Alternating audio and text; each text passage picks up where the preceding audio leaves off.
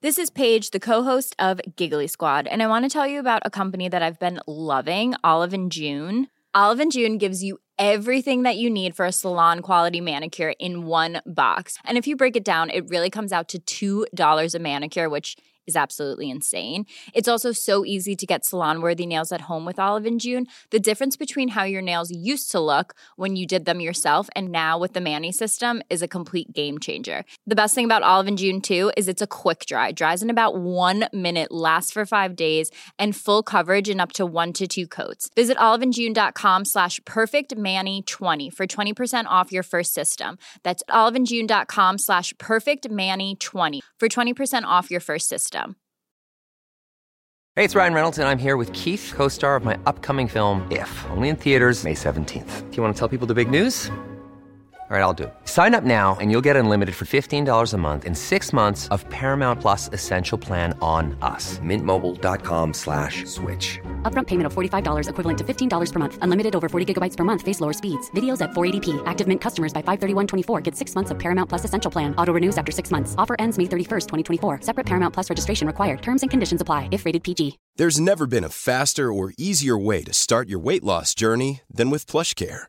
PlushCare accepts most insurance plans and gives you online access to board-certified physicians who can prescribe FDA-approved weight loss medications like Wigovi and Zepbound for those who qualify. Take charge of your health and speak with a board-certified physician about a weight loss plan that's right for you. Get started today at plushcare.com slash weight loss. That's plushcare.com slash weight loss. plushcare.com slash weight loss.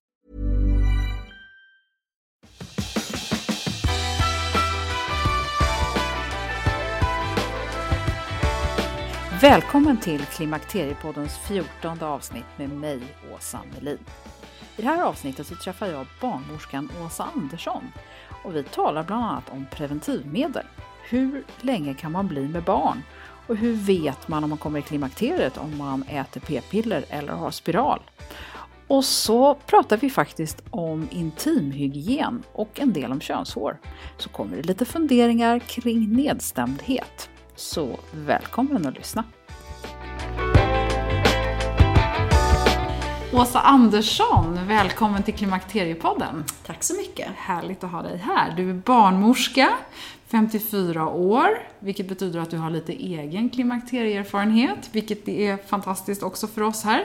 Du har jobbat med många områden, eh, både med mödravård och föräldravård och du har jobbat mycket med sexualitet. Du har jobbat på RFSU, eller jobbar på RFSU, med rådgivning i eh, och alla åldrar, eller hur? Mm. När det gäller olika aspekter av allt från eh, preventivmedel, sexualitet, hygien och egen intimvård och så vidare, eller hur? Mm, stämmer bra. Så du har jobbat 26 år som barnmorska inom alla områden som ja. är intressanta för kvinnan. Absolut. Och jag tänkte idag att vi skulle få höra lite grann om, jag får lite frågor ibland om, om eh, hur fertiliteten, när den börjar gå ner och sen så börjar man närma sig något förklimakteriet och klimakteriet så finns det frågor om hur man ska skydda sig och hur mm. länge man ska skydda sig och hur, hur troligt det är att man blir med barn. Så ja. det är en fråga som mm. jag tänker, kan vi börja där? Absolut.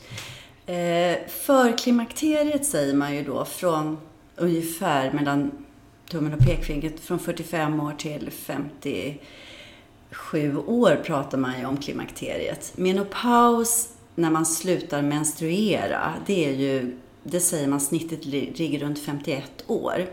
Den här tiden kan ju vara väldigt olika lång och påverka en väldigt olika. En del personer eh, kan exempelvis få eh, menstruationen kommer oregelbundet och sen så är det under något år och sen slutar mensen och så har man inte så mycket mer besvär. Eh, andra kvinnor kan ha betydligt mycket mer besvär och känna av de här sjunkande östrogennivåerna med de här olika symptomen, vallningar och torra slemhinnor. Och, ja, det finns fler, flera olika symptom. Så att det är väldigt olika. Det tycker jag är utgångspunkten. Mm. Om man då tänker fertiliteten i det här, ja. kan man teoretiskt sett bli med barn ända tills den dag man slutar menstruera? Ja, det kan man teoretiskt. Och det är ju så här att en del eh, för vissa personer, och det här vet vi inte säkert, så har man svårt att bli gravid redan vid 35 års ålder. Eller det kan vara svårt. Och för vissa så eh, dröjer det till 50 år innan det är svårt att få barn eller att fertiliteten minskar. Och det här vet vi inte riktigt. Eh, och hur ska man ta reda på det då? Det är ju, eh, dels så märker man ju då i kroppen att någonting förändras, att man inte får mensen regelbundet och att någonting händer. Men man kan ju också, om man är osäker på var är det någonstans, så kan man uppsöka en gynekolog och man kan göra en gynundersökning med ett ultraljud där man kan titta på hur mycket slemhinna som finns inne i livmodern. Och eh, om den har börjat tunna ut eller om den faktiskt är fyllig och fin och kan bädda in ett ägg. Eh, och man kan också ta ett blodprov. Så att, så att den här slemhinnan, den är ett tecken på hur nära, eh, hur nära menopaus du är egentligen? Ja, det är det. okej. Mm. Och man kan ju också, man tittar på slemhinnan, men man tittar ju också på eh, såklart om man har äggblåsor. Alltså man tittar ju över äggstockarna och ser om man har aktiva, Aktivitet, Ja, ja. aktivitet Ja. och blåsor. Men det där är ju någonting som man gör hos gynekologen. Så man kan absolut eh, kolla upp var man är Mm, och försöka Gissa. Ja. Och det sen kan avgöra hur man väljer att skydda sig. Ja. Om man väljer att fortsätta. För, för den, den kvinnan som då har tagit någon form av p-piller eller använt spiral, hon kanske inte kan kolla det på samma sätt. Svaret är ju att det är svårt att säga exakt hur länge. Eh, för man vet ju inte exakt när eh, man kommer i menopaus eller när man får, när mensen slutar, när man äter p-piller eller har en, en hormonspiral då i första hand som jag tänker på. Men min, jag tycker att man ska tänka, ja, se över hur, när- mellan 45 50 års ålder, eh, när, om det blir aktuellt eftersom exempelvis som en hormonspiral som sitter i, i fem år, man kanske har satt den i 40-årsåldern och så vet man att det är dags att byta ut den. Då får man ta sig en funderare. Då kanske det är dags att uppsöka en, en gynekolog eh, som gör en undersökning och tittar eh, hur äggblåsor och så ser ut, att allting är bra. Och sen funderar man på, ska man sätta in en till spiral och ha den i, då kan den sitta lite längre om man sätter in den för 45 års ålder, i sju år exempelvis. Och eh, inte ha någon blödning, inte veta helt säkert, men det får fejda ut. Att man tar spiralen, den minskar i hormoner på slutet och så har man hoppat över. Man vet inte exakt det datumet. Nej. Det kan vara en väg att välja. Men det kan ju också vara så att man känner att nej men nu har jag ätit hormoner ganska länge, nu vill jag Eh, nu vill jag någonting annat. Nu vill inte jag tillsätta mig hormoner. Och då finns det ju exempelvis eh, natural cycles som är en temperaturmetod som man kan använda för att, eh, att man mäter sin temp helt enkelt dagligen. Och det, det är också väldigt säkert om man är en person som verkligen tar tempen varje dag, är noggrann med det och ställer in sig på att det är en inkörningsperiod på tre månader kanske innan man får den att fungera, innan, innan det här systemet fungerar fullt ut. Att den kropp, den här, det här tempkurvan, man har lärt sig att läsa av just hur din kropp fungerar. Då är det en bra icke eh, ja, det är en bra säker metod som inte är några hormoner. Och då, eh, det enda man ska tänka på det är ju att i början under den här inställningsperioden så kan man få väldigt många röda dagar och det betyder att man inte kan ha sex. Eh, så att i början är det väldigt ofta, men längre fram när det här är välinställt så får man fler gröna dagar och då funkar den som den ska. Ja.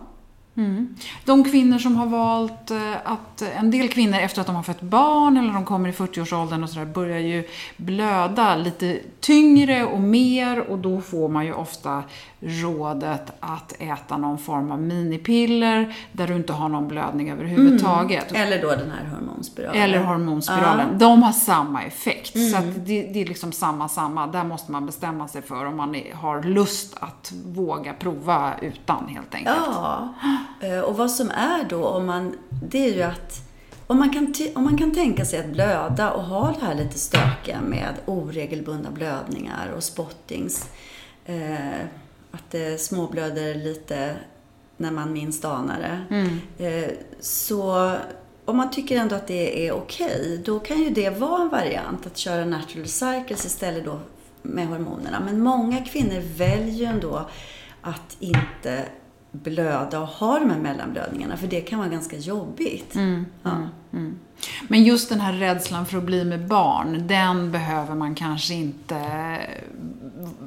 gå och vara rädd för till man är 54 eller 51 eller 59 eller, man, eller 49 eller när man nu slutar blöda. Eller ska man vara försiktig? Jag tycker inte att man ska vara, vara rädd för att bli gravid. Det finns ju skydd. Och det finns ju skydd då som är utan hormoner och med hormoner. Mm. Så att, och där kan man välja. Mm. Eh, jag brukar säga att det finns någonting för alla. Mm. mm. Men man kanske måste pröva lite olika metoder. Mm. Ah. Okej. Okay. Och då har vi nu kommit till det här med att man eventuellt tycker att det är dags att sluta och skydda sig och sen så har man då kanske konstaterat att man trots allt har eh, kommit genom menopaus och man har slutat blöda. Mm. Eh, och, och, då kommer man kanske till andra problem med sitt underliv. Ja. Mm. Eh, en sak under den här, det här förklimakteriet, eh, det är ju att man ofta på grund av de här sjunkande hormonnivåerna eh, blir torr i slemhinnan, Eh, Eh, man har lättare att få ett urinvägsinfektion, svampinfektioner. Och det är ju så, en, en frisk vagina eller slida, den är ju eh, då har man som en skyddande gladpack kan man säga, som ligger som en yta på vävnaden.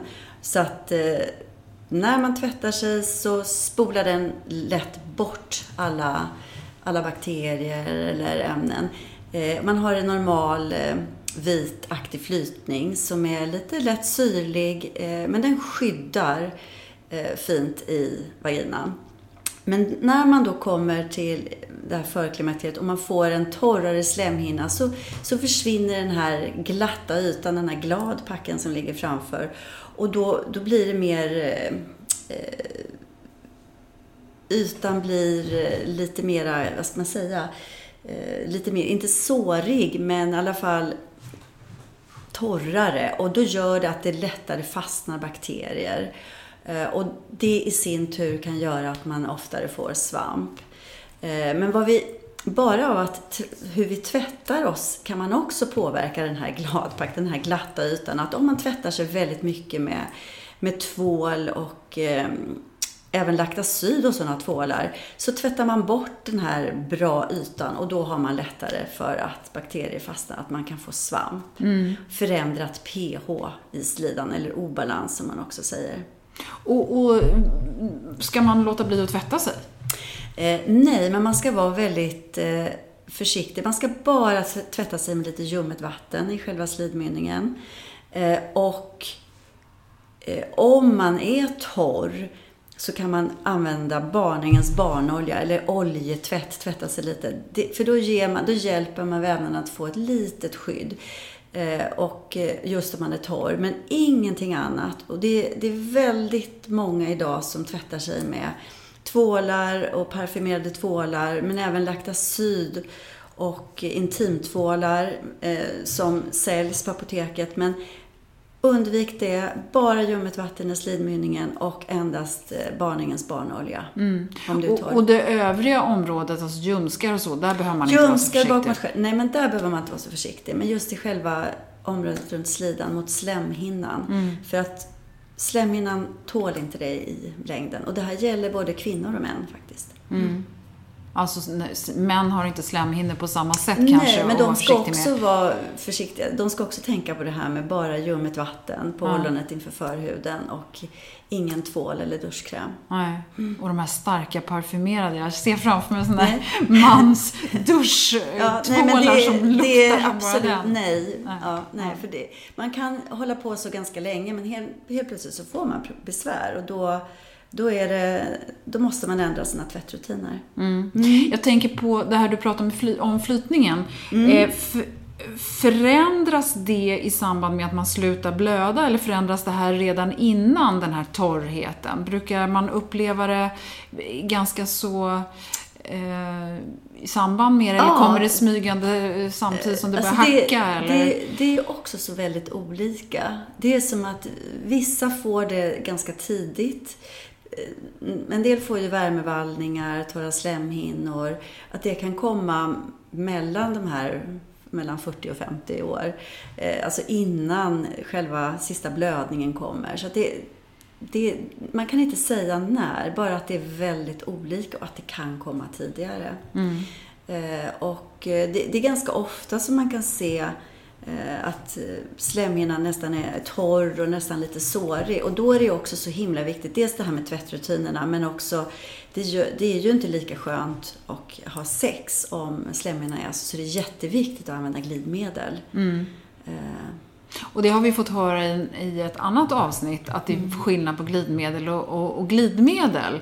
Och en del vill kanske inte ens använda glidmedel. Du nämnde barnängens eh, olja till exempel. Är Mm. det, är, nu måste jag bara liksom, eh, om man använder en olja så då pratar vi om i mynningen. Man ska inte hålla på att ha olja in i Absolut slidan. inte. Nej, utan oljan är ju om man är torr eh, utvändigt eller att man kan tvätta sig lite grann med barningens barnolja.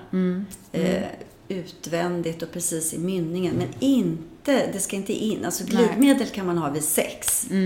Ja, Ja, så, att, så att det är glidmedlet man är inte, inte det man ba- Nej, man ska inte använda barningens olja som glidmedel. Nej, jag förstår. Nej, det ska man Nej. inte. Och det ska inte heller in i slidan, utan där får den sköta sig själv och ska vara i fred. Ja. Och de här glidmedlen, kan de i sig framkalla obehag? Eller är de oftast ganska snälla mot, Mm. mot kroppen? Alltså jag kan inte alla glidmedel på marknaden. Nej, Eh, jag vet glidmedlen som säljs på RFSU och apoteket som är bra. Men det gäller ju när man har haft sex, både gammal som ung, så ska man ju alltid kissa efter sex. Eh, och, eh, och sen så tvätta sig med ljummet vatten. Det är liksom den rutinen som gäller. Mm. Nej men det är väl fantastiskt. Mm. Och jag, nu när vi pratar om det här så är jag nyfiken på har du några åsikter om den här hårhysterin? Att man liksom har en... Nu ska vara, alla ska se ut Ja. som man gjorde när man var tio år. Absolut. Det är väldigt många ju som ansar och rakar sig idag. Och eh, jag tycker att svaren måste få göra precis som den vill. Men har man besvär med man kan säga så här, eh, när man rakar sig så blir det små sår i huden. Och när det blir små sår i huden så är man mer känslig för infektioner och bland svamp. Så att är man en person som lätt drar på sig svampinfektioner och får, har besvär, då ska man definitivt eh, inte raka sig under en tid i alla fall, utan låta håret växa tillbaka. Och använda bra tvättrutiner som eh, ljummet vatten och det här med barningens barnolja. Eh, och speciellt också då om man har fått såna här små sår i huden. Eh, och då kan man gärna låta håret växa tillbaka. Och sen kan man gärna hellre klippa håret i sådana fall. Men helst inte raka. Och inte vaxa heller då antar jag, för det blir också sår. Ja, och det, det är ju det att det blir sår och sen så får man såna här inåtväxta hårsäckar väldigt mycket. Och det kan ju besvära. Mm. Eh, om man mot förmodan i alla fall rakar sig så är det ju upp till var och en. Och det är viktigt att man, om man gör det, att ha en, en, eh, en ny hyvel så att man inte använder gamla hyvlar. Just för att Eh, undvika det, Ja, för, såren. för det skadar huden mer. Men generellt sett så är det bättre att klippa och eh, har man mycket besvär så ska man undvika att raka sig. Many of us have those stubborn pounds that seem impossible to lose, no matter how good we eat or how hard we work out. My solution is PlushCare. PlushCare is a leading telehealth provider with doctors who are there for you day and night to partner with you in your weight loss journey. They can prescribe FDA-approved weight loss medications like Wagovi and Zepbound for those who qualify. Plus, they accept most insurance plans. To get started, visit plushcare.com slash weight loss. That's plushcare.com slash weight loss. Hold up. What was that? Boring. No flavor. That was as bad as those leftovers you ate all week. Kiki Palmer here, and it's time to say hello to something fresh and guilt-free. Hello Fresh. Jazz up dinner with pecan-crusted chicken or garlic butter shrimp scampi. Now that's music to my mouth. Hello Fresh. Let's get this dinner party started. Discover all the delicious possibilities at hellofresh.com. Cool fact a crocodile can't stick out its tongue. Also, you can get health insurance for a month or just under a year in some states. United Healthcare short term insurance plans, underwritten by Golden Rule Insurance Company, offer flexible, budget friendly coverage for you. Learn more at uh1.com. Det är härligt att klimakteriets tabu äntligen är på väg bort. Vill man försöka klara sig utan hormonbehandling så finns nu många nya kosttillskott som lovar bland annat hormonell balans och som ska stötta brister. Jag vill lyfta min räddare i nöden, femarell. Det har inte bara varit min utan många andra kvinnors räddning i över 20 år. Och med lång tid på marknaden, med nöjda användare, dessutom med 20 forskningsstudier så vågar jag säga att det kan vara en god idé att prova femarell. Femarel finns på apoteken och i hälsokostbutiker. Tack Femarel som varit min samarbetspartner i många år.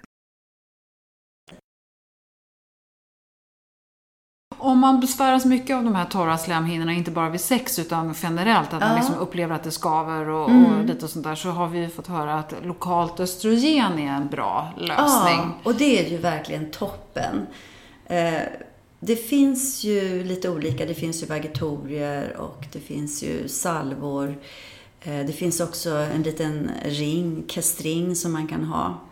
Eh, som är lokalt östrogen. Och det är ju eh, faktiskt väldigt bra att använda i klimakteriet och inför menopaus. För att det, det gör ju att slemhinnan blir fyllig och mjuk igen och cellerna nybildas. Och det är ju det är nästan enda stället på kroppen som man kan återfå sin, sina mjuka fina slemhinnor med hjälp av lite lokalt östrogen. Och då säger man att har man väldigt eh, torra slemhinnor och har, har haft besvär så tar det ett par veckor, om man då stoppar in en sån här kastring, så tar det några veckor innan innan eh, slemhinnan är tillbaka. Och, men sen, och under den tiden så går det ut lite östrogen i kroppen. Men sen så när man tar den här, det här östrogenet så, så behandlar det bara lokalt. Så att det är ingenting som bryts ner i levern eller går ut i kroppen i övrigt, utan det håller sig där. Och, och finns det någon anledning att inte ha det här? För det låter ju helt perfekt om man nu kan få känna sig som 30 igen. Alltså jag tycker, har man inga sådana besvär, Nej. då ska man ju inte, då behöver man inte tänka på det. Men, men har man torra slemhinnor så, så tycker inte jag man ska, det är en självklarhet att man Och ska. även om man inte då är aktiv eh, sexuellt så är det ändå, det, är en, en, en för, eller, det gör att det känns skönare helt ja, enkelt. Ja, Mm. absolut. Och det ger också ett skydd mot svamp och urinvägsinfektioner och sådär. Mm. Hur, det säljs ju en del eh, östrogen över disk. Eh, Mm. Skulle du ändå råda att man går till en gynekolog eller är det, är det något som man bara... Det, det är inte så allvarligt så att säga. Nej, men jag tycker alltid att man ska gå till en gynekolog och eh, diskutera.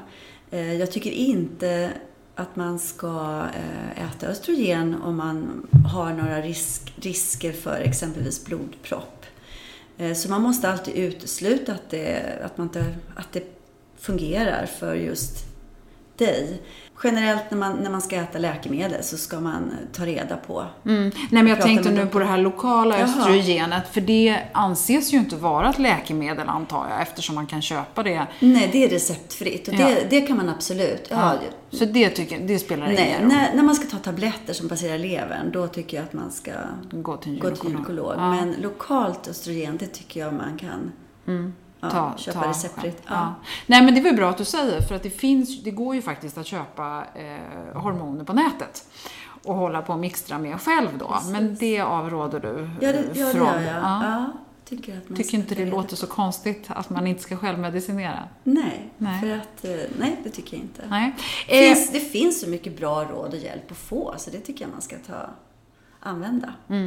Många eh, i min, eh, vår generation har ju liksom, har ingen gynekolog för de har en tendens att dö undan. Man kanske hade en gynekolog och så har den gått i pension och så har man inte brytt sig om att skaffa någon ny för det här med föda barn och så, det har kommit emellan och sen är det inga barn och sen känns det som att allt är bra. Men då ska man ta tag i det här med gynekolog igen. Jag kan tycka det. Alltså, idag brukar man ju säga att har man inga besvär, då, då kanske man inte behöver uppsöka en gynekolog.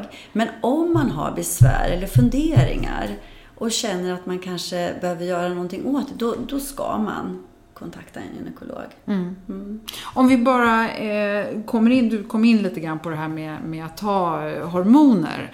Så eh, jag bara tänker lite grann på att om man nu har bestämt sig för att man vill ta hormoner, så, då har man ju gjort det kanske ganska länge för att man har ätit p-piller en stor del av sitt liv. Och då känner man att i alla fall när vi var unga så var det ju inget konstigt att du liksom började äta p-piller när du var 15 år. För vare sig du hade sex eller inte. För det var ett sätt att slippa och, och ha ont i magen, vilket man hade då. Och sen så, så är det många som då tycker att de har överdoserat med hormoner kanske genom livet. Eh, har, du, har du några råd eller några liksom, lugnande saker att säga Nej, men- där? Eh, Det är ju faktiskt så att eh, kombinerade p-piller hjälper mot menssmärta som eh, många kvinnor har och tycker är jobbigt. PMS, alltså det här besvären man kan få innan mens. Och att man också får mindre blödning. Att, att eh, många mår ju bra av det. Att ta p-piller? Ja, men att använda p-piller. Så att jag kan tycka det är väl en jättebra... Eh, ja, att det är bra med p-piller. Plus att när man är ung, att det är ju, det är ju bra med ett säkert skydd. Eh, om man inte vill bli gravid. Jag tänkte bara så här att om man känner att man har ätit p-piller i många år av sitt liv och sen eh, då kanske är lite rädd för att tillföra hormoner när man kommer in i det här klimakteriebesvärsåldern. Eh, och då vet jag att det, det, det finns ingen evidens egentligen för att det skulle vara någon, eh, eller det var jag har läst i alla fall, att det inte finns någon evidens för att det skulle vara farligt eller man skulle undvika att ta hormoner mot sina klimakteriebesvär. Alltså jag tycker det, det är någonting som man måste fundera på själv. För det är ju så att eh, hormoner, östrogen som vi pratar om då, det är ju en liten ökad blodproppsrisk. Men det är ju fortfarande då Eh, många skaffar ju barn idag och att skaffa barn är ju en mycket större risk för blodpropp egentligen än, än om man äter p-piller. Så att Eller tar östrogen. Ja, eller tar östrogen. Så att det är ju en... Ja, det är en liten ökad risk och det vet vi.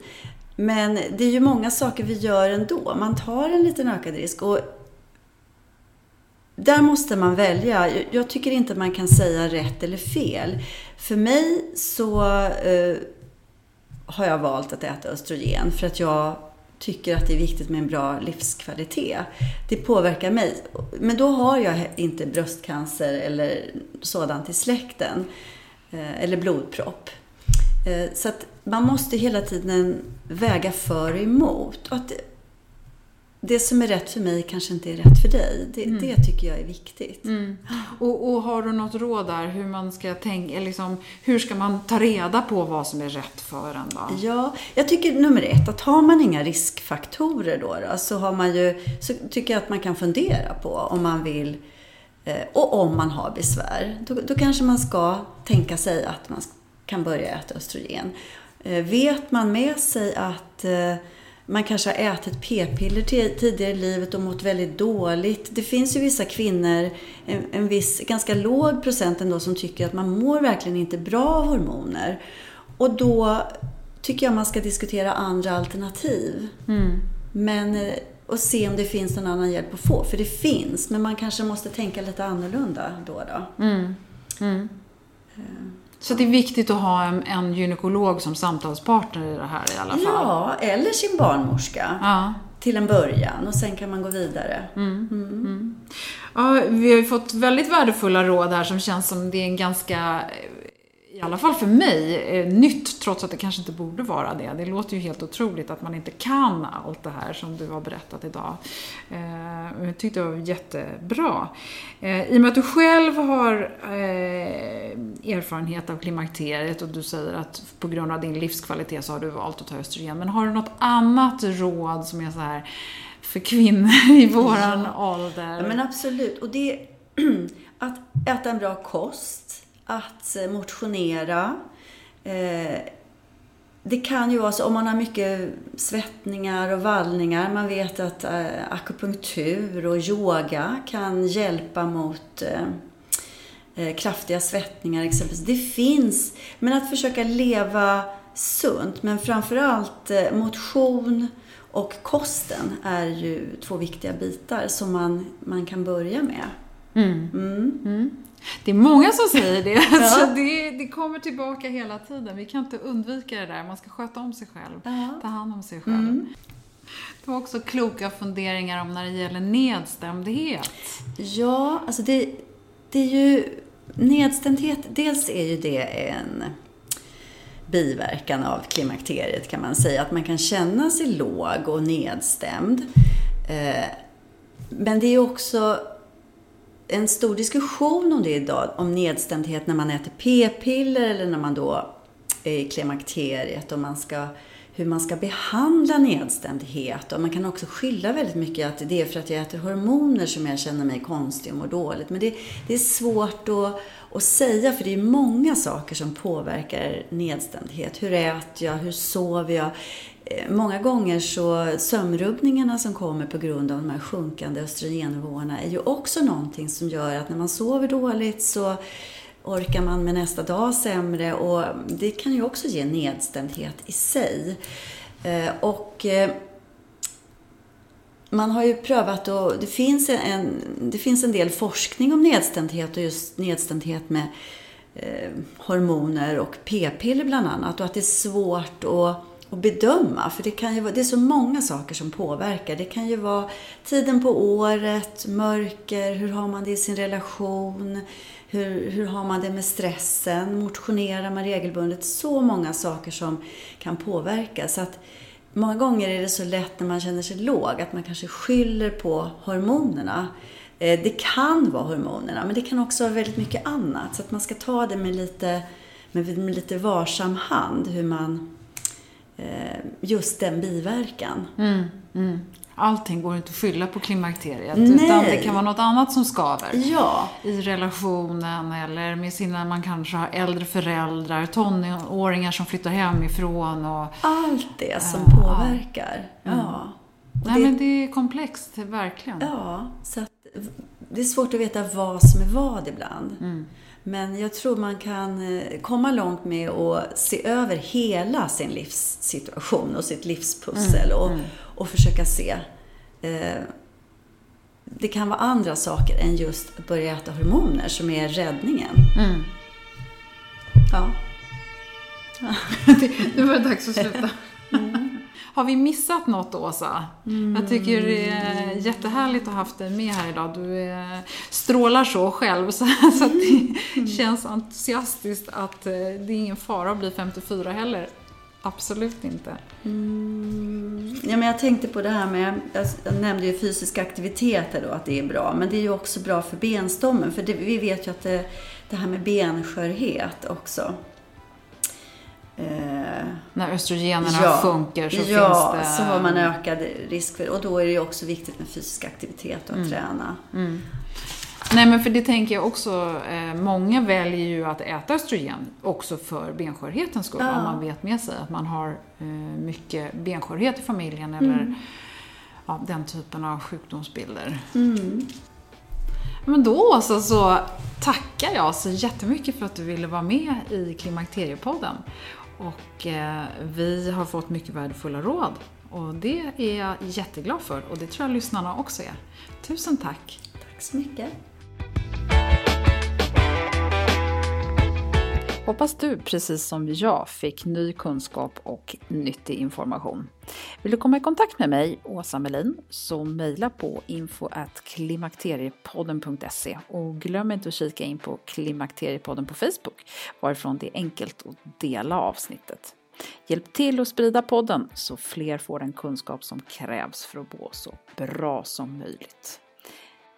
I nästa avsnitt så träffar jag Katrin Schyck. Katrin kan i egenskap av kostrådgivare inte bara laga god och hälsosam mat, utan hon kan också mycket om kosttillskott och funktionsmedicin. Dessutom så är Katrin samtalsterapeut och hon har jobbat mycket med kognitiv beteendeterapi. Det blir ett spännande avsnitt som innehåller många olika spår, så missa inte det. Tack för att du har lyssnat. Hej då!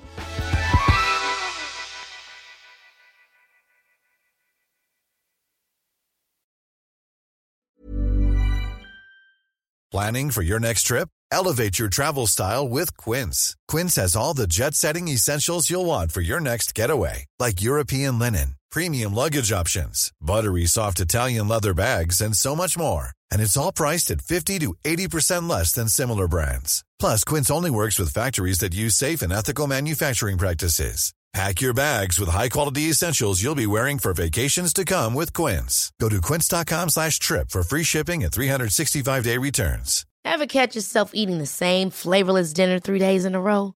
Dreaming of something better? Well, HelloFresh is your guilt-free dream come true, baby. It's me, Gigi Palmer. Let's wake up those taste buds with hot, juicy pecan-crusted chicken or garlic butter shrimp scampi. Mm. Hello Fresh. Stop dreaming of all the delicious possibilities and dig in at HelloFresh.com. Let's get this dinner party started. Hi, I'm Daniel, founder of Pretty Litter. Cats and cat owners deserve better than any old fashioned litter. That's why I teamed up with scientists and veterinarians to create Pretty Litter. Its innovative crystal formula has superior odor control and weighs up to 80% less than clay litter. Pretty Litter even monitors health by changing colors to help detect early signs of potential illness. It's the world's smartest kitty litter. Go to prettylitter.com and use code ACAST for 20% off your first order and a free cat toy. Terms and conditions apply. See site for details.